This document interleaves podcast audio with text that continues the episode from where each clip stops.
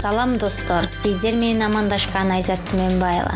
Мен кубанак жамааттык мультимедиа борборунун жетекчисимин. Элетте элим эмне менен алек кандай кызматтар бар десеңиз бай болот алыштагы подкастты угуңуз учурда жумушсуздук күч алган мезгилде жумуш жок эле деп коюштук деп койбой. Өз аракетин жасап өзүнүн мүмкүнчүлүгүнө жараша ишкердик кылып үй бүлөсүнө жана мамлекетке кичине болсо да салым кошуп келе жаткан чакан ишкерлер менен маек курмакчыбыз. Бул подкасттар алты ай бою кыш мезгили сүргөн нарын районунун ишкерлери кантип жана кандай жагдайларда ишкердик менен алектенишээрин баяндамакчыбыз.